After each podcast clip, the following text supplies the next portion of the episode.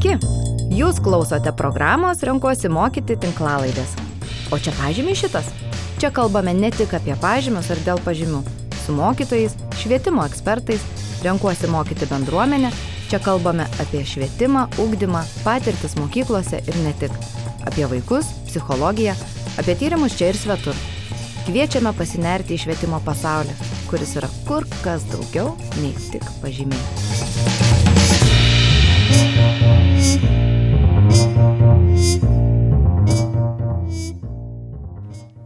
Sveiki! Ačiū, kad įsijungėte programos Renkuosi mokyti tinklalaidę, o čia pažymė šitas.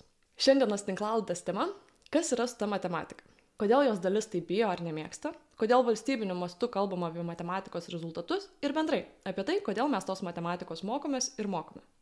Mano vardas Emilija, esu chemijos mokytoja ir programos Renkuosi mokyti 8 kartos alumne ir šiandien mano pašnekovas yra matematikos mokytojas ir programos Renkuosi mokyti 2 kartos alumnas Vytautas Mėžys. Labas Vytautai. Labas Emilija. Pradžioje aš paprašysiu tavęs trumpai prisistatyti mūsų klausytojams. Gerai.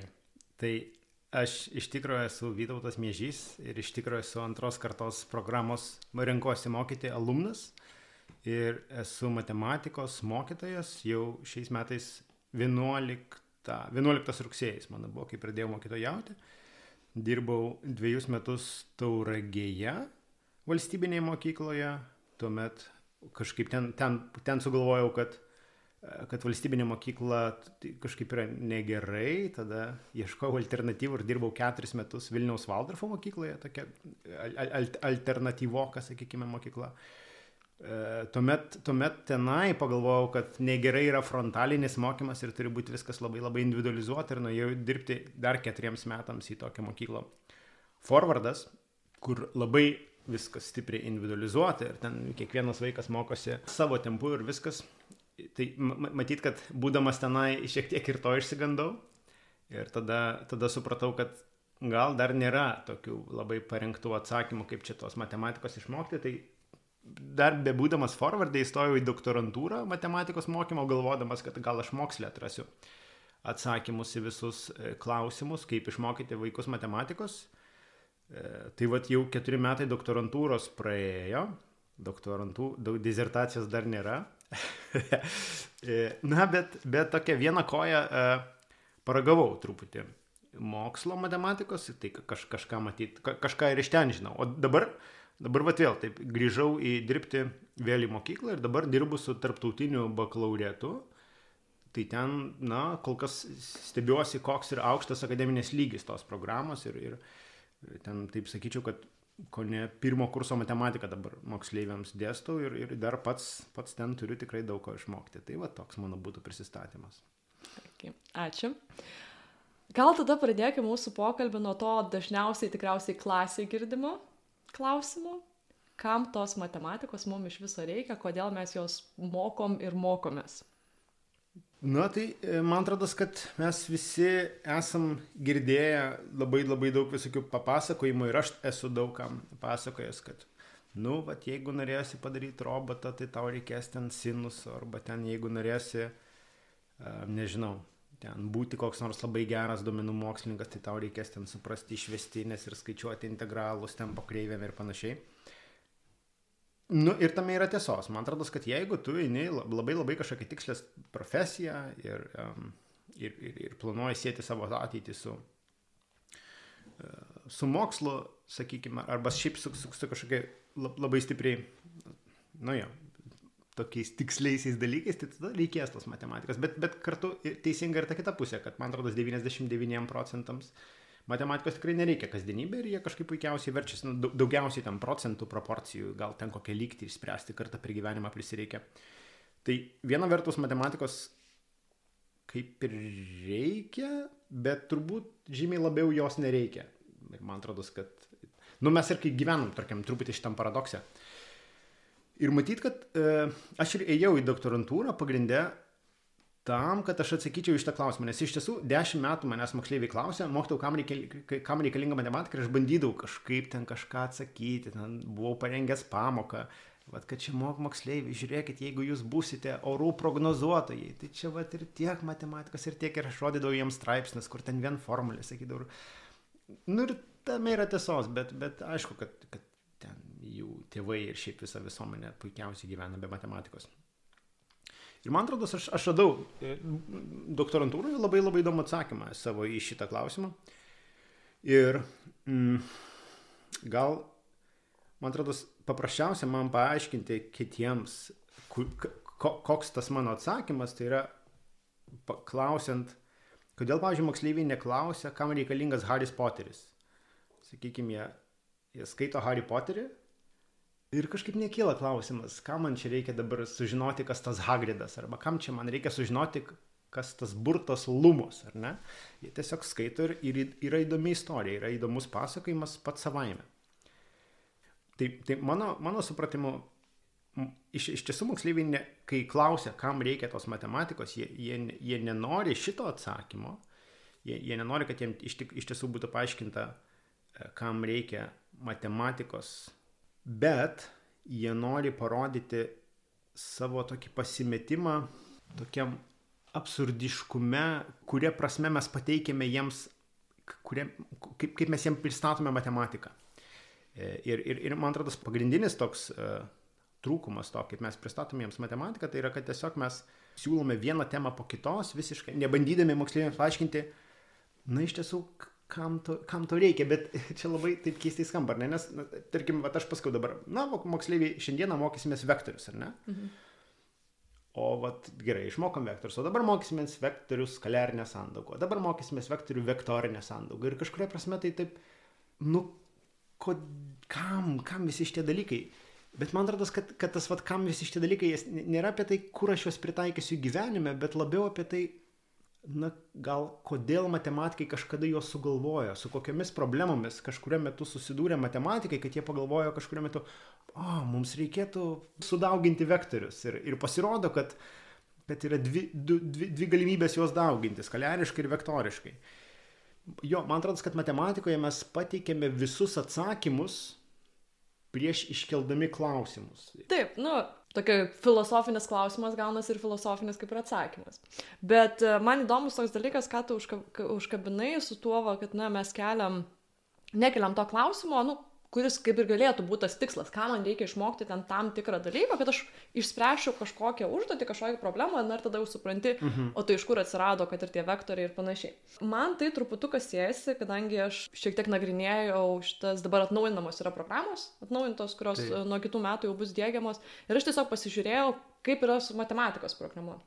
Ir pavyzdžiui, senosiose programuose, tos, kurios dar kol kas galioja, e, labai tos visos temos ir buvo išdėstos kaip tokios temos. Mhm. O tai, kas buvo, nu, prisipažinsiu, senųjų pradinukų matematikos programos nepasižiūrėjau, pasižiūrėjau tik tais pagrindinį ir po to vidurinį mhm. ugdymą, tai, tai nuo 5 iki 12.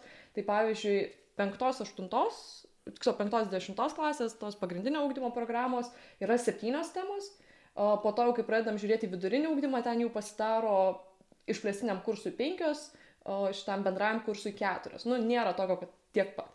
Kita vertus, dabar naujose programuose visus nuo pirmos iki dvyliktos klasės visą laiką viskas yra įstudėta į tokias keturis blokus. Mhm. Ir tie keturi blokai, na, tiesiog kiekvienoje klasėje vis labiau, labiau atsiskleidžia ir ten jau atitinkamai po tais blokais ir palenda šitos įvairios temos, įvairūs matematiniai konceptai ir visa kita. Ir tiesiog, nu, įdomu, galbūt, galbūt tai bus toksai žingsnis į tą labiau paaiškinimą. Nes, pavyzdžiui, dabar tos naujos, pagal naujas programas bus ten keturios tokios grupės. Tai pirmoji yra skaičiai ir skaičiavimai. Nu, tai, pavyzdžiui, pradinukai mokinasi, kas yra skaičius, ten nuo 0 iki 100 skaičiuoti ir taip toliau. Versus ten kokie nors dvyliktokai, jau ten gali mokintis, prisipažinsiu, giliau nepasižiūrėjau, bet galbūt ten jau ir apie šitus um, Imaginary numbers. Ne, dar, jie, dar, ne. dar nesimokė. Dar nesimokė. Bent jau nu, tai nežinau, va. nu man, aš gal būčiau išgirdęs, jeigu būtų įrašę šitą programą. Bet, tai va, nu taip, bet, bet, bet jau tai yra ka, ka, kažkas, kažkas, kas jau ten gali būti sudėtingesnio, tada antroji tema modeliai ir sąryšiai. -hmm. Jau tas žodis ir sąryšiai man bent jau nu, suteikia vilčių, kad galbūt truputuką bus ir mokiniam tas toksai susidėliojimas ir aiškesnis dalykas, kaip tarpusavyje tam tikri matematiniai modeliai siejasi, kaip jie siejasi su realiu pasauliu, nes ten mačiau po apačią dar pakišta yra visą laiką ir ten, pavyzdžiui, apie finansų matematiką. Mm -hmm, mm -hmm. Ir net nuo pradinių klasių jau pradedama kalbėti apie skaičius ir pinigus, mm -hmm. ir, ir, ir finansus. trečioji grupė tada yra geometrija ir matavimai. Ir po to ketvirtoji yra duomenės ir tikimybės. Mhm. Ir nuo pirmos iki dvyliktos klasės visą laiką yra tos pačios keturios grupės. Galbūt, nu, tai bus toksai, va, tas truputuką atsiras dėsningumas ir, ir vienodumas ir, ir kažkas tokio atsakys į kai kuriuos iš tų, o ką man čia šito reikia klausimus. Tai man atrodo, kad ne. E, kad, kad ta prasme, vien tai, kad, e, kad programa dabar e, atsigulė į, į, į keturias tokias klases, kažkokias tai sritis, nes kaip ir anksčiau, man atrodo, anksčiau būdavo septynios, bet tos septynios kažkaip galima būdavo tarsi stambinti į keturias. Mhm. Taip. Tai man atrodo, kad, to, kad vien to nepakanka. Čia, čia vat, gal, gal, gal ir, irgi dabar, pavyzdžiui, vat, galiu pasidalinti vieną, vien, vieną tyrimą, e, kurį dariau apie, apie šeštos klasės vadovėlius. Peržiūrėjau visus lietuviškus šeštos klasės vadovėlius ir ieškau tokių vietų, kur, pavyzdžiui, būtų iškeltas klausimas kažkoks tai ir į jį nebūtų atsakyta kitoje pastraipoje. Tai per, per visus, aš ten, man atrodo, trys iš esmės komplektai dabar naudojami šeštose klasėse. Tai vienintelėme vadovėlio komplekte radau vienintelę temą, kur būtų, e, ten būtų statistika, ar ne? Ir ten labai fainas, man, mano galva, tas e, skyrius, e, kad šeštokai ten sugalvojo organizuoti um, vakarėlį ir norėjo sužinoti, kokia muzika patinka visiems klasiokam. Nu ir pažiūrėjau, nu, kad man atrodo, kad man Marytė sakė, kad jai ten patinka Britney Spears, o man atrodo, kad Antanas man sakė, kad jam tai patinka įCDC. Nu, kaip ir neaišku, nu tai kaip išsiaiškinti. Ir vat, atsiranda problema, atsiranda klausimas ir visą skyrių bandoma po truputį tą klausimą atsakyti, kad, nu gerai, bet jeigu jie dabar vat, nori apklausti visus moksleivius, o tai kaip tą padaryti? Nu tai reikia padaryti anketą. Nu ir atsiranda vat, pirmas skyrius ten anketa. O dabar reikia išdalinti. Ok, išdalinam. O dabar vat, sugrįžo dvi sugadintos anketos. Ką daryti tokiam? Ir, reiškia, visas vadovėlis, tu pirmam, mm, pirmam skirelėje išsikeli klausimą ir palengva bandai jį atsakyti. Ir man atrodo, tada visi atsirandantys tie konceptai, anketa, ten statistinis tyrimas, ten, ten duomenys, ten kokybiniai, kiekybiniai, jie įgauna prasme, nes jie sprendžia problemą egzistuojančią kažkokią tai. Vis, visur kitur, reiškia, visose kitose vadovėliuose e, yra problema ir iš karto atsakymas. Kaip dauginti trupinas, va taip. O kaip dalinti trupinas, va taip. O kaip sudėti trupinas, va taip. O ką ten daryti, jeigu nori sužinoti ten skaičiaus modelį, va taip surask. Ir, nu, um, toksai, čia kaip, aš nežinau, e, kaip, kaip pavyzdžiui, vat, e, jeigu dabar vėlgi supriešinti tą su Harry Potteriu, ar ne, tai Harry Potterio septyniose knygose, pirmoje pačioje knygoje, ten turbūt per pirmus dešimt puslapio atsiranda Voldemortas. Jisai ten taip dar nepavadinamas, bet jisai jau kaip figūra, kažkokia labai grėsminga, ten kažką, jau atsiranda. Ne? Ir, ir kažkuria prasme viskas, kas plėtojasi Harry'e Potteryje, yra tam, kad įveikti Voldemortą, tam, kad įveiktume, ar ne? Tai, tai, tai matematikoje to, to visiškai nėra. Mes atsiranda Voldemortas, mes jį iškart nugalim kitoje pastraipoje, tada atsiranda kitas Voldemortas, mes jį vėl iškart nugalim. Ir, ir jo, to, va šito testinumo nėra. Ir uh, tai, kad va dabar, žinai, ta programa atsigulė į keturias tokias dalis, man, man netrodo, kad tai savaime kažkaip uh, iš, išspręs va tą problemą, kurią, kurią aš vardėjau. Aišku, tai ne vienintelė problema, žinai, matematikos padangėje, bet man tiesiog e, labai aktuali ta problema ir man labai įdomu buvo tą atrasti, kad tokiu būdu galima kažkaip e, per šitą prizmę pažiūrėti tą klausimą, kam reikia tos matematikos. Čia galbūt galima pritaikyti ir kitiem dalykam, kur būna irgi klausimų, nu, tarkim, kad ir ta pati ar, chemija. Ar, ar klausia moksleiviai? O jo, kiekvieną kartą. Kiekvieną kartą ir ištisai, nesvarbu, kokia tema, kokia potėm ir dar kažką, Man įspūdingiausia tai yra, e, kai pradedam temą apie rūgštis ir bazes. Taip. Uh, ir ten, nu, labai gražiai vadovėlį, chemijoje dėja mes neturim pasirinkimo, turiu vieną vadovėlį, iš vieno vadovėlio, e, žodžiu, pasirink, pasirinkimai yra mhm. galiojančio. Uh, tai ten labai gražiai tame vadovėlyje visur, visos nuotraukos, dėtos iliustracijos yra su visokiam puitinės chemijos medžiagom. Taip. Nu, ir man bent jau atrodo, kad visai, aš kaip pradedu visą laiką, nu ir būna, va, pavyzdžiui, kokias rūkštis žinot, kokias dar kažką, taip toliau. Um, ir mes, nu, kaip ir pirmojoj to įvadiniai pamokoj prieinam prie to, kad, nu, rūkštis ir bazės gali ten tarpusavėje reaguoti, e, reaguojant dažniausiai susidaro, kadangi aš ten tokį video rodau, tipo, nekenksmingos medžiagos, bet kartais gali susidaryti ir kažkas kenksmingo ir visa kita. Nu, ir iš principo tu daini tokios kaip ir išvados, kad tu turi žinoti, su kokiam medžiagom tu ten dirbi, tarkim, savo vonioj, nes ten iliustracija yra su būtinės chemijos medžiagom. Mhm.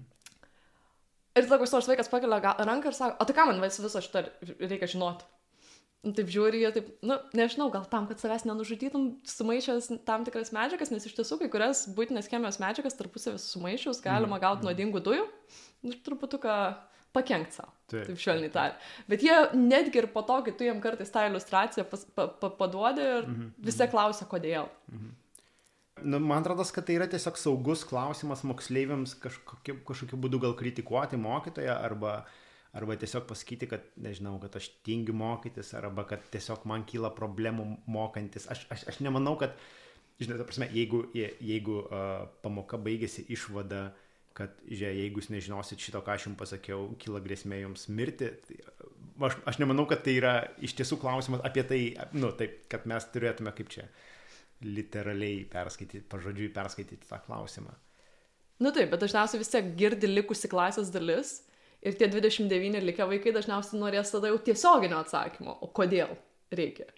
Kita vertus, tas vienas vaikas tikriausiai taip, tikriausiai neretais atvejais tai būna kažkoks gilesnis tas klausimas, Mhm, kaip, kaip ir minėjai, ties variantus, bet vis tiek atrodo, kad nu, tu turi, kaip taip sakant, išsivartyti ir kažką atsakyti. Nu gerai, tai paaiškink man, kamerį, kodėl e, buvo sugalvota rūkštis ir bazės, ar ne? Kodėl, tarkim, negalėjo chemija vystytis be šitų savokų? Kas čia, kas čia būtų blogai? Nes man tai atrodo, kad, nu, daug kur gali, pavyzdžiui, at, atsuk paprastas dujas namie, ar ne? Ir ten, aš, aš nežinau, ar tikrai mirsi, nu, bet gal ten mirsi po kažkiek, tai ten palei, atinu, garažiai jung automobilį, ar ne? Ir irgi mirsi turbūt po kažkiek tai laiko.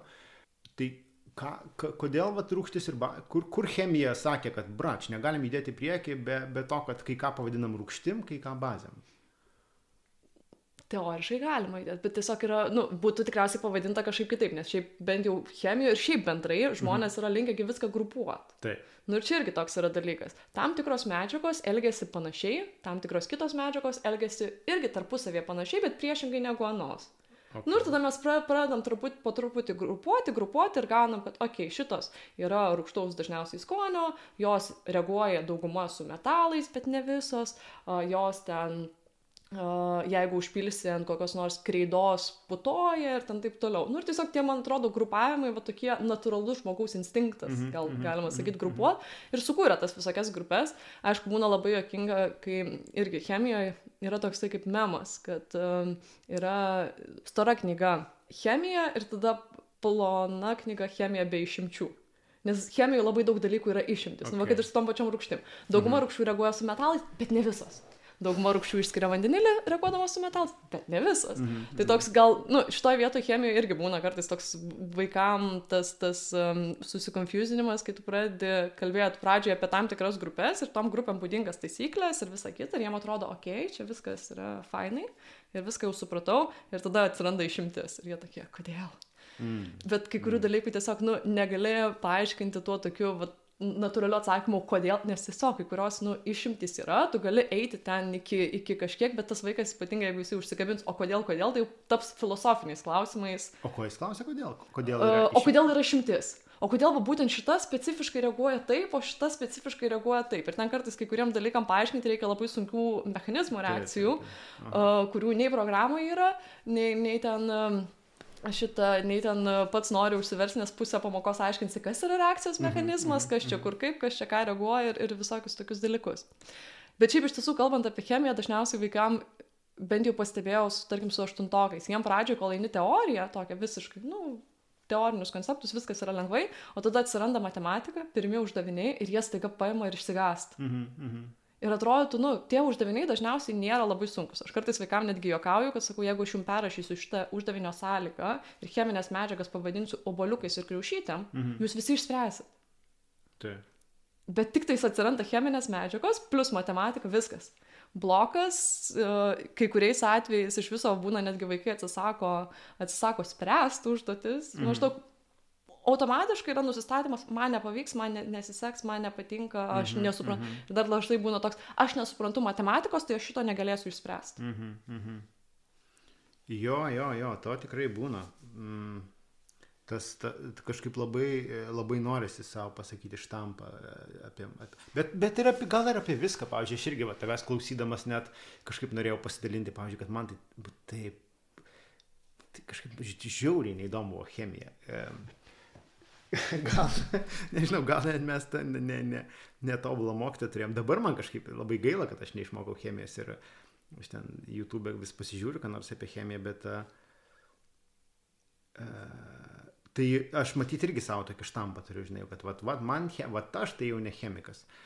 Bet man atrodo, kad Matiekui labai paprasta tą štampą savo pasisakyti. Nes kažkuriuo metu, man atrodo, matematika visiškai tai, ką tu rašai ant popieriaus, nes vis tiek galų galę tu matematiką parašai ant popieriaus. Ar, ar, arba tu kalbėjasi su žmogum, bet, bet kažkokiu būdu tu ją komunikuoji. Ir man atrodo, kaž, kažkurioje vietoje vaikams atsitinka, kad jie visi tie, ar, ar tai ženklai ant popieriaus, ar tai žodžiai, kuriuos jie perdoda vienas kitam, jie nebesie, nebes, nebebūna susiję su, su niekuo, su jokiais objektais pavyzdžiui, ne, nežinau, galbūt dar, dar, dar lygtis ten kai kam e, ten su kokiam nors svarstyklėm ir balionais ir ten iš tais svarmenim dar gal kažkiek susiję, ar ne? E, bet, bet kuo toliau, man atrodo, tuo, tuo labiau viskas tiesiog tampa, um, nu, va, išvestinė, tai čia kablelis, čia šitas, va, į priekį nušoka dviejetukas, kai darau ten kvadrato išvestinę. Ir kažkuria prasme tai tampa toksai kaip, nežinau, kaip, kaip nenoriu sakyti kaip dailė, bet ne, noriu sakyti kaip dailė, žinai, kad, kad tai tiesiog yra žaidimas su simboliais. Ir, ir iš tiesų dalis matematikos tai yra žaidimas su simboliais, žinai, man atrodo, kai, kai, kai kurie vietoje tu tiesiog žiūri į tą savo lygtį kaip į simbolius ir ten brauki tos iksus ir nesirūpini, kas ten slepiasi už tų iksų. E, bet man atrodo, kai, kai, kai, kai yra toksai, e, kad tau visą laiką atrodo, kad matematika yra tik simboliai ir už jų nieko nesislėpia, yra tiesiog labai keistos taisyklės. Ir aš čia kažkada e, mo, turė, buvo e, tėvų susirinkimas ir bandžiau pertikti va šitą tą, tą tokią kaip ir baimę, kodėl, kodėl moksleiviai bijo matematikos. E, ir tiesiog užrašiau, man atrodo, daug, daugmaž visas taisyklės apie daugybą, kad mes pradedam pradinėse klasėse, kad daugyba tai yra kartotinė sudėtis Bet jeigu turim dviženklius skaičius, tai dauginam stulpeliu ir staiga ten jau tos kartotinės sudėties jau kaip ir taip ir nebelabai, ten jau reikia atsiminti taisyklę, tada kai atsiranda trupmenos, ten visai kartotinė sudėtis dinga, kai dešimtainės trupmenos, tada taisyklė, kad reikia kelti kablelį, kai neigiami skaičiai, tai du minusai padaro pliusą. Ir ta prasme, tu gyveni tokiam kažkokiam, žinai, ad hoc taisyklių rinkinyje, kur, kur, kur, kur kur niekas, visos tos taisyklės, visi tie, žinai, tie, tie, tie užrašai, kuriuos tu rašai, ne, neturi sąsajų su, jo, su jokiais na, objektais ar, ar įsivaizduojamais, ar, ar kažkokiais, ką galima būtų pačiupinėti. Ir, ir man atrodo, kad tada visai kažkaip lengva tai baimė atsirasti, nes tu esi žiauriai nesaugus. Tu, tu nežinai, ką tu darai, tu, turbūt, kad padarysi neteisingai, nes ten bet kur bet ką praleisi ir praleisi minusą pirmoji eilutė ir septintoji eilutė pas tave bus neteisingas atsakymas. Uh, Tai jo, ta, ta, ta baime kažkaip visai, visai suprantama. Ir aš irgi savo klasėje turiu, turiu moksleivių, kurie žiauriai bijo. Jie, jie sako, mokyto aš nesuprantu ir, ir, ir niekur, ir, ir, ir nerašo niekur, ir, ir, ir išsigandę. Tai tik, tikrai, tikrai tas labai, labai stiprus dalykas. Jo. Ar, ta, ar tu esi pati patyrus va, tokią matiekos baimę? Mm. Matiekos, tai va, nelabai aš atsimenu, kad, aš atsimenu, kad man aukštoji buvo. Mhm. E, bet ten daugiau buvo net ne tiek, kad matiekos baime, o buvo, kad man tiesiog atsibodo, nes mums pirmą pusmetį dar aukštoji matematika dar buvo viskas normaliai, o antrą mhm. pusmetį prasidėjo įrodymai ir ten reikėdavo teoremų įvairiausius įrodymus iš principo iškalt. Mhm, mhm. Nes bent jau pas mus e, egzaminas vykdavo taip, kad tu ten, neatsimenu, 2-3 valandas rašai tą egzaminą ir viduryje jo yra trumpas laiko tarpas, 3 ar 4 minutės, kada mums leidžia pasižiūrėti į savo užrašus, Aha. bet tie užrašai būtinai turi būti nestoresniam negu tam tikro, nu, ten 12 ar, 4, okay, ar 24 okay. puslapių žodžių sąsiuvinį. Mhm. Ir aš tiesiog pasibėjau, kad aš žinau, aš susirašydavau visus tuos įrodymus, Taip. aš susirašydavau juos ten susižymėdavom spalvom dar kažką ir žinau, kad man to laiko užteks atsivert, greit pasižiūrėti ir ten užrašyti ir irgi tais įvairiausiais ten simboliais, apverstom A raidėm ir visokiais taip, kitokiais, taip, kur taip. dabar aš jau nebelabai atsimenu, kas ten ką yra. Bet um, buvo tas, kad, nu, tiesiog nebebuvo man įdomu žiūrėti, kas, kas, kas ten giliau po tais skaičiais yra, ir buvo jau toks, ai, tiek to aš turėsiu galimybę pasižiūrėti ir, ir viskas. Okay. Tai va, šiaip iš tiesų, nu gal tokia mikro matematikos baimė, tai buvo gal kvantiniai. Nes kvantiniai tenka prasideda kvantinis lygtis, kur, nu, iš principo tos matematikos lieka ten raidės, raidės, raidės ir džiaugiesi, jeigu pamatai kažkur skaičiuką. Bet ten, ten diferencialinės lygtis. Aš ne? neatsimenu, kokios okay. ten lygtis, aš prisipažinsiu, aš tikrai neatsimenu, kokios ten lygtis, bet žodžiu, esmė ta, kad buvo, kad aš praleidau vieną iš pirmų paskaitų, kur buvo aiškinama, kas ten yra, o jezus, koks ten terminas buvo, kai sim, ant simbolio tokia kaip, kaip apversta šitą varnelę. Nežinau, Nu, žo- tenzorius? Nežinau, aš, aš vat, praleidau tą Okay, paskaitą, kaip, okay. kaip mes suprantam. Mhm. Uh, ir esmė ta, kad jinai buvo tokia konceptuali, kad suprastum kitką. Okay. Aš nepadariau savo namų darbo, kad išsiaiškinčiau, kas ten yra ir man po to Aha. viskas buvo labai labai neaišku. Tai aišku, išlaikiau egzaminą, nes e, kai laikiau, aš išsprendžiau su tik klasikinės mechanikos taisyklėm vieną uždavinį ir man Mhm. užteko to. Šiaip dėstas labai juokėsi, kad aš kvantinę sprendžiau su klasikinė mechanika, bet, nu, sakiau, jeigu, jeigu jums tinka ir veikia, ir aš išlaikiau, man daugiau nereikia šito. Mm, mm. Tai va. Bet man pačiai va tokios, nu, kažkaip nebuvo, tai gal dėl to būna sunku, žinai, įsi... Nu, va, su tais vaikais kažkaip susitapatint, ir, ir, ir kaip jiem padėti. Žinai, bet vat, dabar, vat, kai pasi- užsiminė apie kvantinę mechaniką, tai, pavyzdžiui, aš irgi esu kvantinių lygčių tikrai įsigandęs. Ir kažkuria prasme, taip gal net man ir baisu jų mokytis, nes e, kažkoks yra toksai, kad vat, jeigu nesuprasi, tai kažkaip būsi ten kvailas. Vat, nežinau, gal ir, ir gal matai, gal kažkaip matieko yra tas, kad yra toks labai, te, ne, nežinau, tarkim, ten kažkokiam literatūriniam kūriniui, man atrodo, yra tokia, sakykime, skalė, tu gali labai, žinai, gali būti, gali visiškai nesuprasti ir tada gali truputį suprasti, neblogai suprasti, ten labai labai giliai suprasti, dar ten kažką, ar ne? O matieko yra kažkuria prasme toksai nulis arba vienas, ar ne? Arba tu gerai išsprendai, arba tu blogai išsprendai. Ir, ir, ir toksai gal nelengva įdėjus kažkiek tai pastangų iš karto pajausti rezultatą. Matyt, kad gali įdėti tik labai labai daug rezultatų pastangų ir tada galbūt pasieksi tą jau, žinai, jau tą, kad išspręsi daug uždavinių teisingai, bet gali būti, kad įdėsi daug pastangų ir vis tiek beveik visus išspręsi beveik neteisingai. Tai, nes aš kažkaip esu truputį patyręs tą tokią vat, matematinę baimę, Mane, pavyzdžiui, nesuprantami simboliai vis dar, vis dar gazina, jeigu aš kažką atsiverčiu ir ten prirašytinėta visokių nesuprantamų simbolių, man kažkaip baisu imtis to teksto. Ir irgi noris pasakyti, kad, ai, aš čia turiu svarbesnių reikalų ir kažką ne, ne, nesivarginti. Buvo vat, vienam statistikos kursė sudalyvavęs, kur, kur irgi buvau nesupratęs pagrindų ir ten aiškina mums kažkokias ten, ten, ten teoremas ten begalinėse erdvėse, aš ten, o dieve, aš ten paprastų uždaviniukų nesuprantu, tai aš ten irgi jausdavausi kaip ten, nu, ti- ti- ties- tiesiog, tiesiog, ten būdant nuotolinės paskaitos, tai aš čia Facebook'ą įsijungdavau, žinai, ir kažką kitą veiktau. Jo, tai man kažkaip buvo gal net keista, tą, tą patirti, kad man atrodė, kad aš pats, žinai, tarsi kaip ir matematikos mokytas ir nu, visai nemažai baigęs tos matematikos, gerais pažymiais, tai tarsi jau kaip ir ne, neturiu tos matematikos baimės, bet vis tiek, vis tiek kažkaip, nu, yra kažkas tokio gazdinančio. Bet gal ir kituose dalykuose gazdina, nežinau. Aš, pavyzdžiui, pamatau tenai chemijos, tas, e, ten, kur aštuonka, ten, ta organinės chemijos tos visos. Šešiakampį, ar ne, su dviem pagaliukais ten, o dieve, aš ten, man kažkaip žavu, bet, e, nu, nežinau, ar taip pat gazdina. Gal kažkaip. Gal tiesiog yra taip, kad matematikoje yra pakankamai, nu, va, kaip ir minėjai, ta nulis arba vienas iš principo, ar yra teisingas atsakymas ir tada visi kiti yra neteisingi atsakymai. Mhm. Nu, nėra kaip ten kokia nors, nežinau, interpretacija teksto, kur, nu, daug gali būti teisingų Mhm. atsakymų ir visa kita. Mhm, mhm. Ir tada tiesiog yra labai lengva pasijausti kvailu, Mhm. nes daug didesnė tikimybė tiesiog yra gauti neteisingą atsakymą. Galbūt, galbūt. Vienu metu minėjai tą etiketę, kad pakankamai lengva yra prisiklijuoti, nu, ar ten aš ne chemikas, aš ne kažkas, aš ne matematikas. Tai šiaip įdomų straipsnį vakar skaičiau. Jisai senokas, 2011 metų. Ten buvo, berots, Stanfordo ir dar kito universiteto mokslininkės, kurios nagrinėjo va, būtent tą aš ne matematikas etiketę ir, ir jos priklyjavimą. Ir jos darė tyrimą, kurio metu nustatė tokį dalyką, kad jeigu e, suteikiant grįžtamą į ryšių studentui, yra įvardinama, kad, nu, aš suprantu, kad tavo matematika yra sunkesnė, čia šitas dalykas tau nesiseka, bet va tu kitose dalykuose e, e, esi labai puikiai ten tau sekas ir dar kažką.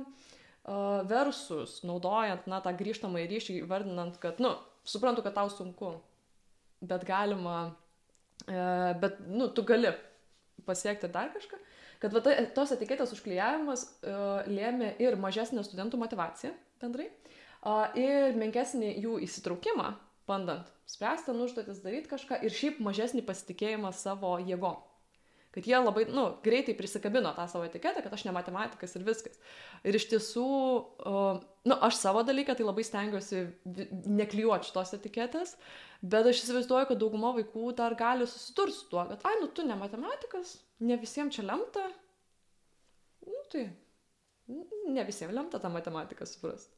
Ar tu sutinki su tokiu teiginiu, kad ne visiems lemta tą matematiką suprasti? Um, aš, aš, aš, aš, aš, aš turiu tos, tos mokslininkės knygą, kurią, kurią tu minėjai, man atrodo, čia buvo Joe Bowler su Carol Dweck. E, e, tai, tai jos be galo įtakingos yra ir, ir man atrodo, na, kiek, man atrodo, kad mes visi norėtume būti to, tokiais mokytojais, žinai, kurie, kurie kiekvieną įkvėptų ir neprikliuotų tų etikečių ir, žinai, ir, ir, ir kiekvienas moksleivis pas juos būtų motivuotas ir panašiai. Bet, bet aš esu susidūręs su, su tokiom situacijom, kur, žinai, kur, kur aš bandau kažkaip vienai paaiškinti, kitaip paaiškinti, trečiai paaiškinti, ketvirtai paaiškinti.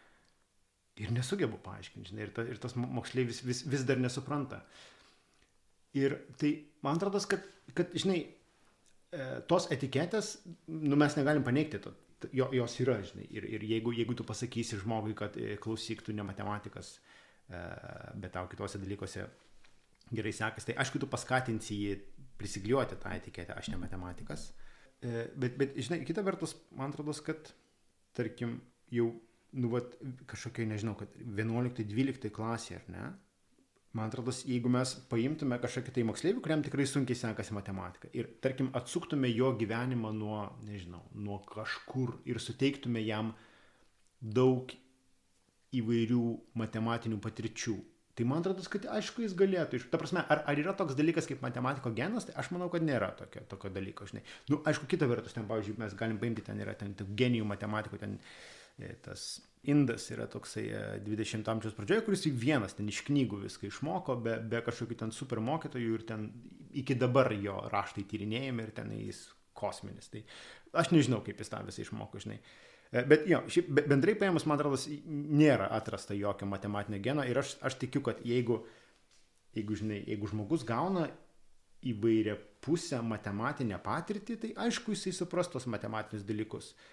Ir čia, na, man atrodo, kad, žinai, tada, pavyzdžiui, svarbu, tarkim, aš dabar su savo dukra daug bendrauju ir man atrodo, kad mes, nu, net tokiuose žaidimuose labai, man atrodo, kad aš jai labai daug suteikiu matematinių patirčių. Ne, ne vien tai, kad mes, žinai, skaičiuojam ten skaičiukus, kažkaip nelabai mėgstai ten skaičiuoti su manim, bet, pavyzdžiui, man tai žiauriai dabar fainas jie tokias žais nesąmonės, kad, pavyzdžiui, mes įsivaizduojam, kad o kas būtų, jeigu namas būtų iš makaronų. Nu ir mes kažkaip džiaugiamės, kad va, galėtume visą laiką valgyti, nu bet va išpurvintume makaronus, bet gal ten ir nebūtų jis ten labai tvirtas tas, tas namas, arba jeigu kas čia būtų, jeigu mašina būtų ten iš, iš vatos. Ir man atrodo, kad jinai čia gauna labai vertingą patirtį, kuri kažkada jai pravers įrodymo, kai reikės įrodinėti prieštaros būdu, nes tenai tu teigi kažkokią netiesą ir tuomet kažkurį laiką tu turi pagyventi absurdo pasaulyje, kur tu žinai, kad kažkas yra netiesa ir tu tenai kažką įrodinėjai.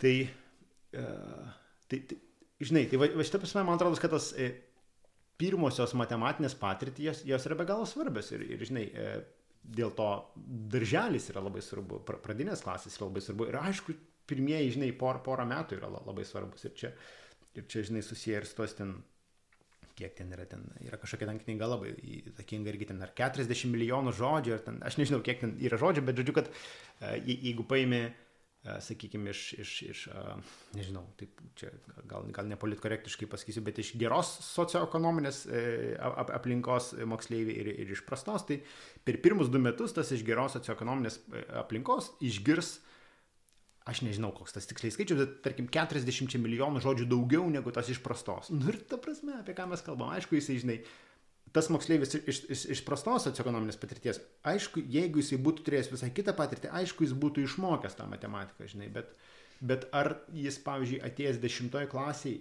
ir tu jam suteikdamas tinkamą grįžtamą į ryšį, ar, ar, ar tu padarysi, kad jisai ten, žinai, labai gerai išmoks matematiką, bent jau man tai labai sunkiai pavyksta. Man tas, aš žinai, aš tikrai skaitau tos knygas ir aš stengiuosi daryti taip, kaip reikia, žinai, aš stengiuosi tikėti. Ir man atrodo, aš ten daugelį tų vaikų tikiu, bet, ta prasme, nu, aš, aš, aš nesu pasiekęs stebuklingų rezultatų, žinai. Tai, uh, tai, tai, tai, tai, tai matyti ir, ir kažkaip, jo, ten, kai skaitau tos knygas, ten viskas, viskas uh, smagiau skamba negu, negu realybė, žinai. Aš ten be galo buvau įsikvėpęs po tos Joe Boller knygos. O nežinau, o kaip, ar, ar, ar, ar tu pati tiki, kad... kad... Aš su, su, tuo, su tuo dalyku, kad uh, tikrai uh, pirmieji keli metai ir šiaip tas pradžia gyvenimo ir, ir visi pagrindai yra labai labai svarbus mokiniui. Uh, ir tolesniam jo patirtim tikrai sutinku. Aš dabar netgi turiu pavyzdį šitą vieną kolegę, kuri mokina dvyliktokus papildomai matematikos. Ir yra keli, kurie labai prastai mokosi, tai jis su jais sprendžia aštuntokų uždavinius. Jis mhm. suteikinėja jiem pagrindus ir matosi jų labai didelis augimas. Mhm. Aišku, jinai labai yra suinteresuota būtent, kad, nu, jie kuo geriau pasirodytų ir jinai kaip sprendimą rado būtent, na, pradėti nuo tų labai labai senų spragų, jinai pasėmė 8 klasę ir su jais nuo 8 klasės tos to, to, uždavinius išsprendžiasi. Tai taip, galbūt tiesiog jiem egzaminė tie 8 klasės uh, uždaviniai išspręsti nepadės, bet kita vertus jie turės gilesnį suvokimą Ir kai kurie dalykai, kai kurie po to kitos temos jiems pasidaro automatiškai lengvesnės, nes jie supranta tuos pagrindus. Taip, taip. Tai šitas tikrai, tikrai yra svarbus. Bet aš manau, kad nu, kiekvienas matematiką mokėti gali. Labai dažnai yra, ta, man atrodo, kad nuostata pati, kad, nu, pasako, kad ne, aš negaliu, mm. ne, man nereikia. Ir netgi kai kurių bazinių dalykų pradeda tiesiog nebandyti, nespręsti, nežiūrėti. Nu, bent jau chemijoje, tai aš, kaip mes juokiame su dvyliktokais savo, kurie ruošiasi egzaminui, visą laiką, kai kažkoks yra uždavinys, aš visą laiką jų klausiu, kokius būdų norit spręsti. 99 procentus yra davai per proporcijas. Mhm. Nes chemijoje didžiąją dalį uždavinių tu per proporciją gali išspręsti. Aišku, ten kartais būna, kad vieną uždavinį sprendi su septyniom proporcijom versus dvi formulės, bet, nu, jeigu taip nori, jeigu jiem toks tinka sprendimo būdas ir jeigu jie sutalpins tą egzamino langelį, kodėlgi ne. Mhm. Tai proporcija nėra sudėtinga matematinė kažkokia, matematinis veiksmas, kažkokia matematinė teorija. Uh, bet kai kurie mokiniai iš karto automatiškai atsisako, ne, aš nespręsiu, aš nesuprantu. Taip, prasme, proporcijas nesupranta. Nu jo, nu, taip, ne tai, kad nesupranta, bet jie uh, Nes aš kai, kai kurios uždavinius, ypatingai tuos mokinius, kurie nu, sunkiau sekasi ir kurie iš karto ateina ir pasako, aš čia nesuprasiu, nes čia matematika, tai aš juos mokinu kaip algoritmą. Mes tiesiog užsirašom žingsniukus. Pirmas padarai tai, antras padarai tai, trečias proporcija. Mm, mm. Ir nors jie tą proporciją moka, tikrai mes dar kartais netgi su matematikos mokytoju aš paprašau, kad automatiškai prieš pirmus uždavinius jie per matieką pasikartotų uh, proporcijas, kas tai yra. Ir jie ateina ir iš karto vis tiek vaiko būna tokia nuostata, ne aš čia nesuprasiu, nes čia skaičiai. Čia matematika, čia aš nesuprasiu. Tada klausia, moki proporciją. Moku, žinau, ką ten daryti ir visa kita. Nu, tai sakau, žiūrėk, tau tik tas reikia padaryti. X, Y proporcija. Ne. Tai toks, nu, iš tiesų, ja, kad... kad... Žiauriai įdomu. Kodėl jie taip daro? Aš nežinau. Galbūt dalis daro tą, nes jiem kažkaip reikia dėmesio, nu, nes tai yra vienas iš būdų, kaip, taip, kaip gauti dėmesio, ypatingai jeigu tu kaip mokytojas esi suinteresuotas. Nes aš tada dažniausiai būna taip, kad ten tiesiog yra koks nors lapas su labai labai daug užduočių. Mhm mokiniai pamokos pradžioje išsikelia ten tikslą, kiek jie tų užduočių ten išsispręs, nes mes jau, nu, čia kartojimo kažkokia už, e, mhm, tema ar mhm. dar kažką.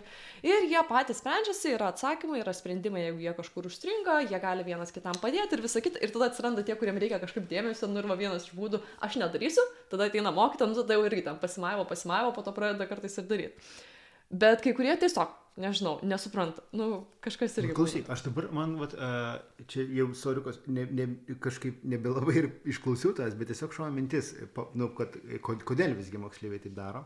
Ar negali būti, kad va, tokiu būdu mes biškir klyjuojame etiketės, kad ateina moksleivis, ar ne, kuris sako, aš nemoku matematikos, aš nežinau, ką daro matematikos mokytos, bet jeigu ir matematikos mokytos daro, žiūrėk, čia viskas labai paprasta, tau čia nereikia nieko suprast, daryk tiesiog pirmas žingsnis, antras žingsnis, trečias žingsnis. Ir kažkuria prasme mes viena vertus tokiu būdu ir pasakom, tu ir nesuprasi matematikos, bet žiūrėk, bent jau užrašyk va čia nesuprasdamas, ar ne? Mhm.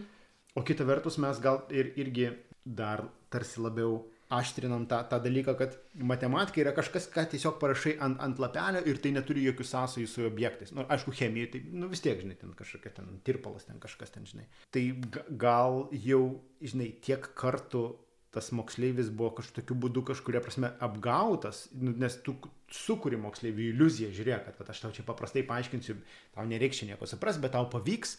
Ir nu ne, tai iš tiesų tai nėra teisybė, nes, žinai, tu, tu jam gali tenai parodyti, kaip spręsti labai labai siaurą kažkokią tai uždavinių klasę, bet, bet vis tiek, jeigu nori ten suprastą matieką, tai reikia ją suprasti. Taip, taip, nu, toksai taip, sutinku. Vietoj to, kad tu jam iš principo paaiškintum iš gilumos, iš kur ten tie skaičiai atsiranda ir kodėl ta proporcija ten yra, tu tiesiog išmokai, nu, iš tiesų paprasčiau yra išmokyti algoritmą ir, ir viskas. Tai, ir aišku, nėra, nėra laiko ten viską aiškinti. Nu, aš, aš tai tą, tą tai irgi labai suprantu, žinai. Taip. Grįžtant prie to, ar kiekvienas gali išmokti matematikos.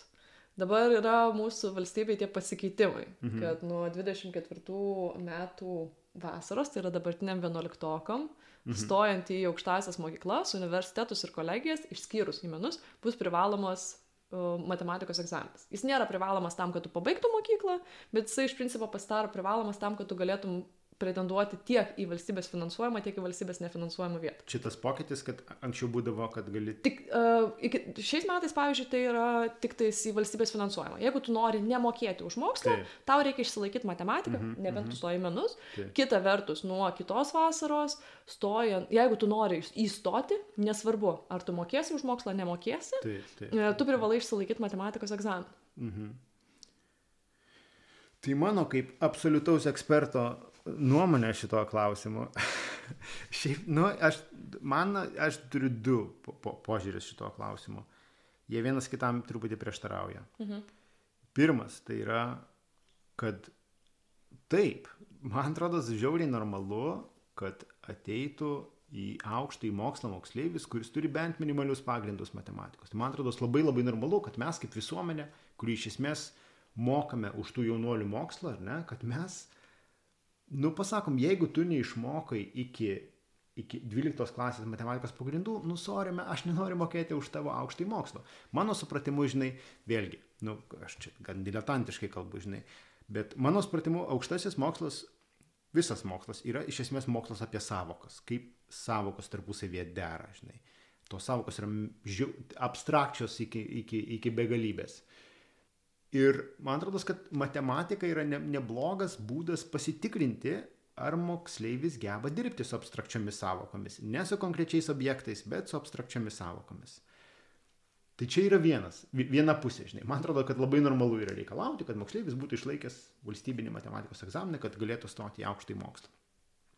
Kita vertus, man atrodo, kad šitas vat, sprendimas būtų labai labai geras, jeigu mes tikrai sukurtume tikrai lygias galimybės kiekvienam moksleiviui įgyti gerą matematinį išlavinimą. Ir mes dabar to tikrai, tikrai nepadarome. Nu jo, čia, žinai, turbūt labai stipriai priklauso nuo, nuo geografinės vietos, kur tu gimsi kaip vaikas, ar net atsitiktinai, vad gimsi, žinai, nežinau, žvėrynė, man atrodo, kad, nu tikrai gausi gerą išsilavinimą, gimsi turbūt ant tą kalnyje irgi gausi gerą išsilavinimą, gimsi, nežinau, kažkur tai uh, turbūt yra tokių vietų, kur, kur, kur tiesiog gimsi ir nepaisant daugelio faktorių, tiesiog ten nebus aplinkui gerų matematikos mokytojų. Tai, tai, čia, tai čia vienas aspektas. Žinai, kitas aspektas yra tas, kad ar tu gimsi finansiškai pasiturinčioje šeimoje, žinai. Man čia didelį įspūdį padarė nesenas tyrimas, kuriam vadovavo e, Gediminas Merkys.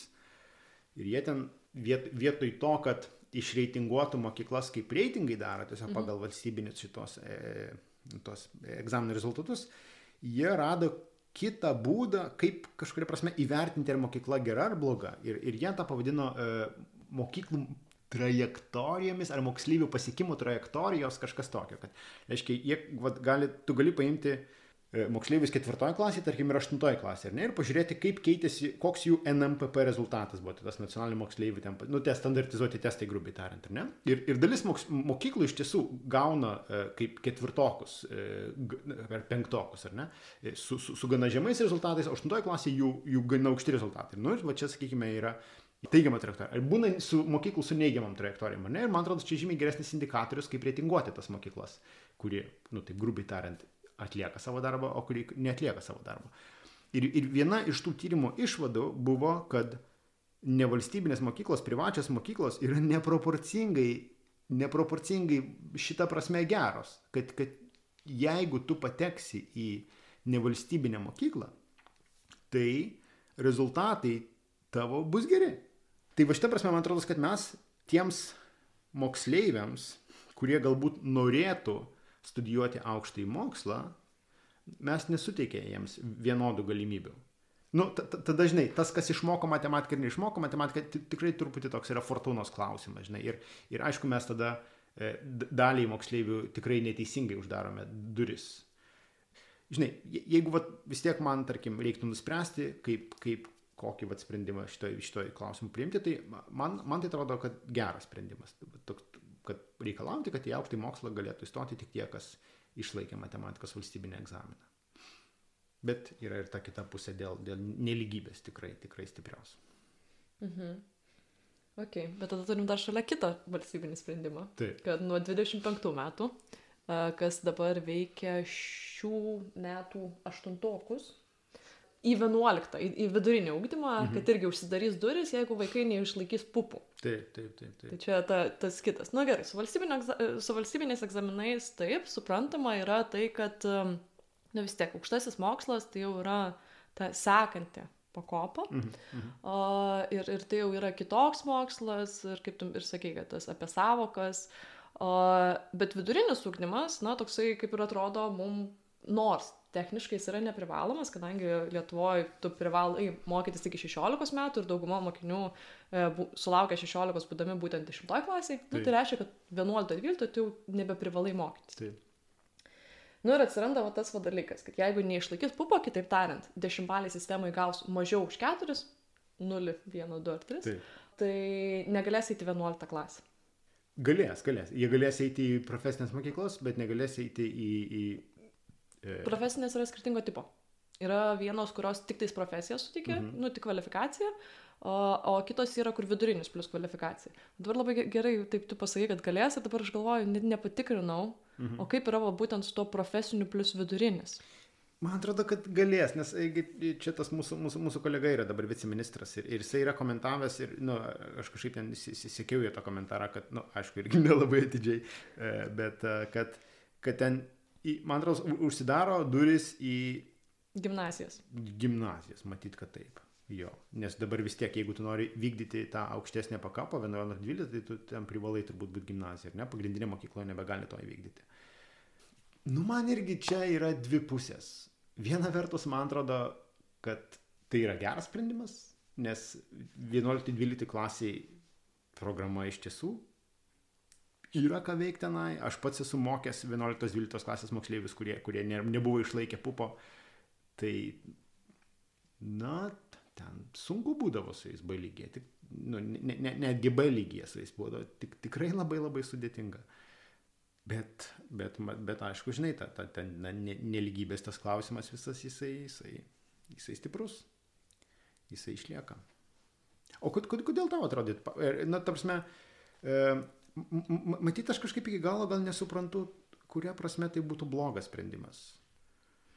Nes, nu gerai, mes uždarome dalį moksleivių du, duris į kažkokią tai ateitį. Nu tai. Ir. Nu, bet ką žinau, nu, mes už, nu, uždarinėjom tos kelius. Ka, ka,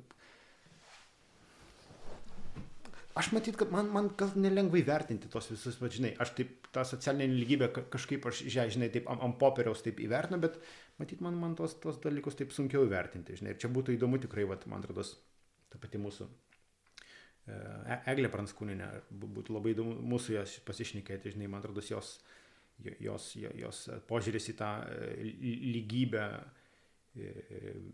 švietime yra toks gerokai gilesnis, žinai, už mano, aš kažkaip taip labai taip pragmatiškai čia pasveriu viską ir man iš pragmatinių pusių žiūrėjau, nu, jo, tai neišlaikiai, nu tai ką tu ten veiksi 11-12 klasėje, tai aš taip labai kažkaip paprastai vertinu. Mhm. Matyt, žinai, reiktų dar įvertinti ir visą tą, kad ten paauglystė, 8-10 klasė yra, ten, nu, kosmoso kosmosas kas vyksta jauno žmogaus smegenyse ir aišku jam, kad matematika tikrai yra paskutiniai vietai prioritetuose, žinai. Nors šiaip nežinau, bet aš dabar dirbu ir, ir, ir ten su nuotoliniu būdu su moksleiviais ir dešimtokai ten vaikšto, ruošiasi, tam pupui kažkaip šeštadieniais ten ateina, mokosi, žinai, bračiai, aš kaip žaviuosi jais. Malodės. Aš uh, patikrinau tiesiog, kad, nu, mm. nepameluotumėm nei vienas kitam, nei, nei klausytojams, tai tiem dabartiniam aštuntokam, kur su pupais įsigalios, tai jiem bus galimybė perlaikyti pupą tais pačiais metais, Taip. arba kartoti dešimtą klasę, arba tik tais uh, tą dalyką dešimtos klasės. Tai žodžiu, nu, nėra taip, kad tiesiog neišlaiky pupo ir, ir viskas užsidaro ir tu į vidurinį ūkdymą nebegalėsi eiti. Uh, yra tos galimybės, galimybės uh, išsi, iš, išsisukti iš tos padėties, tai yra pasigerinti savo rezultatus. Tai nėra taip, kad, nu, viskas Vienas bet, šansas. Bet, bet, bet ir į vidurinį ūkdymą jie turi teisę eiti, bet jį baigti kart tiesiog profesinėje mokykloje. Šito nėra paminėta. Tai kol kas negaliu, negaliu dėl šito patikslinti, bet tiesiog, kad yra tos galimybės, galimybės e, išsilaikyti. Aišku, tas, na, profesinis ugdymas visą laiką yra kaip alternatyva. Tai man yra irgi, aš pati turiu auklėtinius, kurie yra vienuoliktokai. Mhm. Ir pernai metais irgi buvo tas pats, na, klausimas. Na, mhm. o tai ką daryti, kai kuriem, nu, tikrai nu, ne jiems yra ta vidurinio ūkdymo programa. Mhm. Tikrai yra tokių mokinių, kurie jau dešimtoje klasėje nemotivuoti, jau kai kart ir ankstesnėse klasėse būdavo nemotivuoti, nemotivuoti, nenorėdavo nieko daryti, nu ir tada ta profesinio ūkdymo įstaiga būna kaip alternatyva. Mhm. Vis tiek tada tu įgyji kažkokią kvalifikaciją, e, ta kvalifikacija, nu, kaip mano kai kurie auklėtiniai irgi sakė, sako, aš bijau, kad aš neišlaikysiu matematikos egzaminą ir kad tada negalėsiu niekur užstoti, tai aš išeinu į profesinę kaip planas B. Ir išėjo trim metam, tai yra profesinė plus e, šitas vidurinio augdymo programa, kas reiškia, kad na, tas žmogus po dviejų metų laikys taip pat valstybinius egzaminus, mhm. jeigu išsilaikys gerai, galės stoti, jeigu neišsilaikys tos matematikos, turės savo tą planą B, va tą savo pasirinktą kvalifikaciją, tai. kurią jau bus įgyjęs. Mhm. Tai, nu, aš bent jau nematau problemos nei profesinio augdymo programuose, nei profesinio augdymo šitose įstaigose ir manau, kad kai kurie mokiniam, nu, tiesiog jie per daug bijo to, to žodžio profesinė, ar ten profkė, ar dar kažkas, mm -hmm, uh, ir negalvoja apie tai, kad, nu, ne kiekvienam tas vidurinis ūkdymas ir galų gale ne kiekvienam, tuo labiau ne kiekvienam, aukštasis mokslas yra skirtas. Nu čia, šiaip tai žiauriai įdomi, įdomi, įdomi, įdomi mintis tavo, nes uh, šiaip tai, nu, kažkaip man atrodo, man atrodo faina būtų gyventi tokioje visuomenėje, kur, kur nėra taip, kad jeigu nueini į profkę, tai lievai, ar ne? Nes dabar pas mus biškai yra to. E, kad jeigu eini į profkę, nu, tai mm, ne, nepavyko, ne?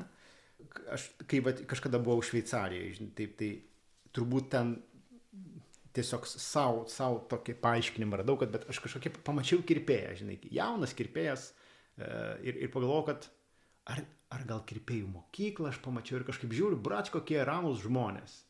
Ir pagalvojau, gal, vat, kai tu gyveni Šveicarijoje ir, ir, žinai, ir ruošiesi būti kirpėjai, ir kažkaip galvoju, manau, ateitis bus užtikrinta, žinai. Man nereikės ten sudarinėti galą su galu, jeigu aš būsiu kirpėjas. Tai gal tada kažkaip ir, ir, ir, ir, ir, ramiau gyventi tokioje visuomenėje. Dabar atrodo, kad, kad nu, pas, pas mus taip kažkaip reikia labai draskytis dėl tos matematikos. Ir, ir kaž, kažkuria prasme, man atrodo, būtų faina irgi gyventi tokioje visuomenėje, kur nebūtų matematika kažkokia labai panacėja. Kad, kad būtų kažkuria prasme irgi normalu pasakyti, nu tikrai gal tu ne matematikas, bet tada atsiranda tas etiketės klausimas, žinai. Ir man šitą vietą aš nesu savo atsakę, nes man atrodo, kad, nu fair enough, nu tikrai ne visi matematikai ir gal ne visiems reikia ten, žinai, tą matieką ten iš, iš, išmanyti iki, nežinau, ten aksijomų. Tai vad kaip suderinti šitos dalykus, kaip neprikliuotos etiketės, kad tu ne matematikas ir tau nelemta jos išmokti ir kartu kitoje vietoje pasakyti, kad gal tu ne matematikas ir gal, gal žinai, nieko tragiško, jeigu tu neišmoksi tos matiekos. Gal, gal ne visi privalo būti matematikai, gal dalis tikrai visuomenės gali būti puikus, nežinau, ten autoserviso, šalkalvių, masažo ir visokių ten, žinai, trenerių, ten spe, specialistai, žinai. Mm. Jo, tai va aš irgi, va čia vienas klausimas, kurį ne, nesu savo atsakęs. Aš iš tiesų sutinku, kad na, ne kiekvienam tos matematikos reikia. Ir gal, na, nu, pas mus, man atrodo, yra įprasta, kad ne kiekvienam matematikos tos reikia, bet mes kažkaip savo šalyje labai, nu, kaip ir minėjai, iškeliam tą matematiką. O ir iš tiesų, na, va, kad ir kalbant apie tos pačius, vėl grįžtant prie, prie valstybinių brandos egzaminų rezultatų, prie pupų rezultatų, nu vis sakoma, oi, čia labai labai prasti rezultatai šiais metais tiek bandomieji valstybinio brandos egzamino matematikos egzaminai e, yra organizuojami, tiek netgi ir to paties pupo, kad mokiniai anksčiau galėtų pasibandyti, pasižiūrėti, kas ten kur kaip. Tavo nuomonė, kas yra kaltas dėl tokių mūsų va, paskutinių kelių metų uh, matematikos rezultatų? Netgi galim ir ne tik apie pupus ir VBA pasižiūrėti, bet ir tuos tarptautinius tyrimus, kad ten irgi rezultatai mūsų nėra labai kažkokie įspūdingi ir geri. Tai kas čia kaltas? Mokiniai, mokytojai, kažkokia sistema mūsų sukurta ar kažkas iš viso kito? Tai čia, man atrodo, kad šiaip tai įvairiuose tyrimuose, tarptautiniuose mes skirtingai atrodom. Mes visi labai plakam save užpisą, kad mes ten nelabai gerai atrodom, e, bet timse mes atrodom labai gerai, šiaip labai, labai neblogai, tai, tai čia gal tas visai svarbu, kad ne, ne, ne visai mes tenai beviltiški esam. Apie VBA tai labai, labai įdomus e, toks aspektas nes man atrodo, nu, tu, tu žinai, kas ten kaltas, kas ten ką, man atrodo, visų tam tokiam bendrajam diskursui apie matematiką labai, labai daug nuskambėjo. Man tokia, vad, pastaruoju metu įdomesnė mintis pasirodė, tai kad VBE užduotis iš tiesų yra ekspert tų rengiamos užduotis, kas reiškia, kad iš principo, nu va taip grubiai tariant, aš atsisėdau ir sukūriau egzaminą. Žinai. Aišku, aš remiuosi ten tam tikrais kriterijais, kad ten būtų funkcijos, būtų algebros, būtų panašiai, bet galų gale, kas vat, nusprendžia, ar egzaminas sudėtingas ar nesudėtingas, tai yra kažkeli žmonės, kurie tai pasižiūri ir taip, nu, bus gerai. Ta prasme, kad visa tai nėra paremta, žinai, e, statistiniais kažkokiais tyrinėjimais, kad važiuokit, e, ten kažkokio ten geroji imtyva šitą uždavinį išsprendė 70 procentų moksleivių, tai mes galim tikėtis, kad ir tam egzaminė tiek išspręs. Viso šito, mano žiniomis, aš nesurengęs VBA, bet mano žiniomis šito nevyksta. Ir tada kiekvienais metais atsiranda toksai biški, žinai, nu, ištirščių, žinai. Pat, e, ir vėlgi, nu čia pati užduoties struktūra realiai nelabai mums leidžia palyginti rezultatų tarp kelių, tarp dviejų metų, nes nauji rengėjai, žinai, aš pats, pavyzdžiui, esu rengęs vienais metais bandomojo egzamino užduotis, bet mes ten iš kelių dalių ten susidarė. Ir man atrodo, kad aš parengiau geras užduotis, niekas ten jų neišsprendė. Nu, taip, grubiai tariant, per, per Lietuvos mastą ten, žinai, pasirodo, aš labai blogai vertinu, ar tai sudėtinga užduotis, ar lengva užduotis.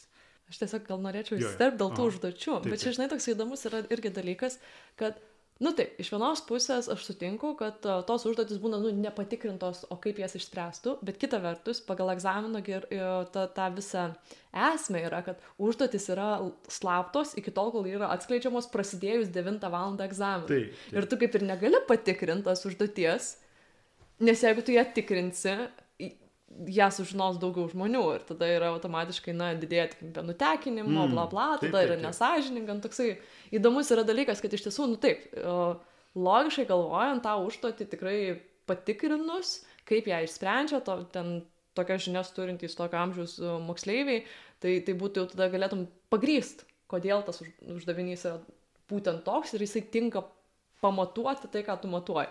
Bet kita vertus, na, pati egzamino esmė kaip ir neleidžia to, to padaryti. Nes čia kaip būna aukštosiuose mokyklose. Kai kurie dėstytojai būna, kad uh, tos pačius uždavinius naudoja metai iš metų ir studentai tą žinodami taip, tiesiog metai taip, iš metų taip, gauna tų pačių užduočių atsakymus ir ten mm. sažiningumo nebūna. Taip, taip, taip. Pasirodo, kad yra, yra, yra būdų kažkaip kaip, kaip tą išspręsti. Nu, aš ne, nesu tikras kaip, bet ta prasme, kad kažkokiu būdu įmanoma parengti e, nacionalinį egzaminą iš užduočių, kurias tu būni pasitestavęs, man atrodo, kad įmanoma. Aš vėlgi nelab, ne, ne, nelabai taip giliai tą žinau, bet taip, nu toks labai labai grubus pavyzdys, paprastas ar ne, nu paimkim kažkokią, žinai, situaciją, mes galim ištirti, kokia dalis moksleivių ten teisingai sprendžia, neteisingai sprendžia uždavinį apie, apie mažylis ir kalšnas valgo ten tortą kartu, ar ne? Nu ir paskui paimti ir pakeisti skaičius. Arba vietoj mažylio ir Karlsono ir valgo tortą ten padaryti mama ir tėtis ravi daržą, žinai. Nu tai ten e, taip atrodo, kad pa, pa, pa, palikus tą pačią matematinę esmę pakeisti ten, nežinau, kažkokius tai žodžius, atrodo, kad ne, ne, nu, turėtų būti įmanoma tą padaryti. Tai va, bet, žinai, va šit, šitas dalykas uh, yra, yra numatytas dabar keisti švietimo mokslo ministerija ir sporto e, parengė, parengė e, tokį planą, kaip ten gerinti viską matematikoje, tai vienas, vienas iš punktų yra, kad, kad va šitą iš e, egzamino, egzamino užduoties rengimo sistemą peržiūrėti. Jo, kitas dalykas, kas man atrodo labai svarbu, tai yra tis, tikrai stiprinti tą matematikos mokymo mokslą Lietuvoje. Nes dabar žinai, vat, aš čia, pavyzdžiui, viską, ką pasakau, ar ne, tai vis, beveik viską ištirščiu čia, žinai, vat, man taip atrodo, man taip atrodo, kad čia vat etiketė atsiranda, man atrodo, žinai, kad čia taip gerai mokyti matematiką. Ir, e, tai, žinai, mes lab, labai didelė dalis diskurso matematikos yra tiesiog, tiesiog, vat mums taip atrodo, o, kad, o kad, žinai, kad, kad būtų e, remiamasi moksliniais kažkokiais e, faktais, teorijomis to, to, to nedaug. Tai, man atrodo, kuo mes tą labiau stiprinsim ir, nu, gal, gal po truputį kažkaip prasis tas mokslas, tai, tai to, to bus geriau mums visiems. Ir aišku, nežinau, man tai kažkaip tas e, dabar ta visa švietimo, švietimo lygybės klausimas, man atrodo, kad kuo, kuo toliau, tai tuo mes, tuo, tuo labiau stiprėja neligybė, žinai, ir matyt, kad gal labiausiai per, per privačių mokyklų steigimąsi, žinai, Vilniuje ten, kaip, kaip, kaip, kaip, čia, kaip čia grybai po lietaus, ar ne? Matyti ten didžiuosiuose miestuose, kitose irgi taip pat ir aišku, jie tada ir pritraukia, žinai, ir, ir, ir man atrodo, ir mokytojus stiprius, ir, ir, ir, ir, ir, ir moksleivis turbūt, e, kurie kažkaip iš, iš, iš geresnių tų socioekonominių šitų aplinkų ir, ir, nu, ir gaunasi tokios salos, žinai, kad vieni nuo kitų atsiriboja ir, ir ta neligybė stipriai, stipriai auga ir kol kas aš nematau prielaidų, kodėl jinai turėtų mažėti. Tai va tas, tas mane visai, visai kažkaip gazdina tu labai gražiai taip išsukai, kad nei mokiniai kalti, nei mo, nu, mokytojai irgi patys iš, iš savęs kaip ir gaunasi, kad irgi nėra kalti, iš principo yra sistema, netgi sistema ne, nu, tiek pačios matematikos mo, mokymo, nes iš tiesų aš gal taip giliai niekad matematikoje nelindau į tą klausimą, o kam? Mhm. Ir su tuo pavyzdžiu per Harry Potterį, kad, nu, tikrai iš tiesų uh, mes tas problemas ir čia galbūt net ir pačiam man ir savo dalykui bus toksai, žinai, kai kuriuose vietose atsakymas į, į, į klausimus ir irgi tą mokinių klausimą, ką man to reikia. Gal tiesiog, nu, kartais reikia truputuką kitaip dėlioti pačią struktūrą ir nepateikinėti iš karto, nu, to atsakymo. Aišku, kartais yra problema su tuo mokinių uh, dėmesiu. Ir, ir, ir tai, kad, nu, iš tiesų, aš bent jau esu pastebėjus, kad kiek jie laiko gali išlaikyti dėmesį yra labai labai sutrumpėję. Ir jeigu tu pamokos pradžioj užduodi kartais kažkokį probleminį klausimą, į kurį atsisakoma, nu, atsakymas atsiranda pamokos gale, dalis mokinių visiškai užmiršta tą probleminį klausimą, nes jau kažkur yra nuplaukę į šoną. Bet e, gal kai kuriuose vietose, kur negali atsakyti, o kam to reikia, reikia bandyti kažkaip dėlioti kitaip ir toje pačioje matematikoje galbūt dėlioti kitaip, kad, kad e, nebūtų mokomasi tik tais nuvatais uh, algoritmais. Ir, ir, ir tokie sau, sausai, ai nesupranti, bet nu va čia tokio operacijų va toksai rinkinys, kurį, kurį turi išmokti. Gal tikrai yra kažkoks per problemas, per problemų, uh, tą probleminių klausimų kelimą galima kažkaip, nu, į gilesnį tokį suvokimą arba galų galia bent sudominimą. Gal kartais to tik tais ir pritrūksta. Sudominimo, kad tas mokinys, nu, pats norėtų užsikabinti, o ne iš karto eitų, kad ai čia matematika aš nesuprantu. Mm. Jo, jo, aš kažkaip dabar, žinai, tavęs klausiau, kai tu čia viską apibendrinai ir taip supratau, kad jo, čia iš esmės mano žodžiai, e, ir galvoju, blemba, čia skamba kaip utopija. Turbūt niekada nebus, kad, kad pavyktų moksleivius visus, nu, iš, iš tiesų sudominti. Bet, nu ir taip, turbūt, kad vis tiek bus kažko tokio, žinai, nu, moksleiviai šiandien vektoriai, žinai, ir, mokome šiandien vektorius, bet, bet kartu, žinai, turėti tokią kaip, tokią kryptį. E, Nes aš irgi, pavyzdžiui, kai dėstau, pas mane daug yra, nu va šiandien tokia tema, šiandien tokia tema, bet aš vis tiek stengiuosi kažkaip bent, bent dalinai tas temas pristatyti kaip, kaip kažkuria, kaip vat, nu, kaip kažkas, kas mums padės išspręsti va tą problemą, kurią mes jau, žinai, jau septintą pamoką tyrinėjame ir vis atrodo arčiau jos atsakymo einam. Tai, tai lik, nu, jo, turbūt mes visi mokytais kažkaip stengiamės, kažkur mums pavyksta, kažkur, kažkur nepavyksta. Tai ačiū tau. Ačiū mūsų klausytojams, kurie mūsų klausėsi. Ir iki kitų tinklalaidės laidų. Ačiū visiems, ačiū tam, Melė. Iki. Viso.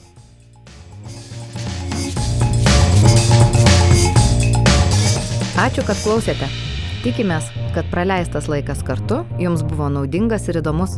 Kviečiame susipažinti su programa Renkuosi mokyti ir pasiekti ją Facebook bei Instagram socialiniuose tinkluose. O kol kas, iki kitų susitikimų.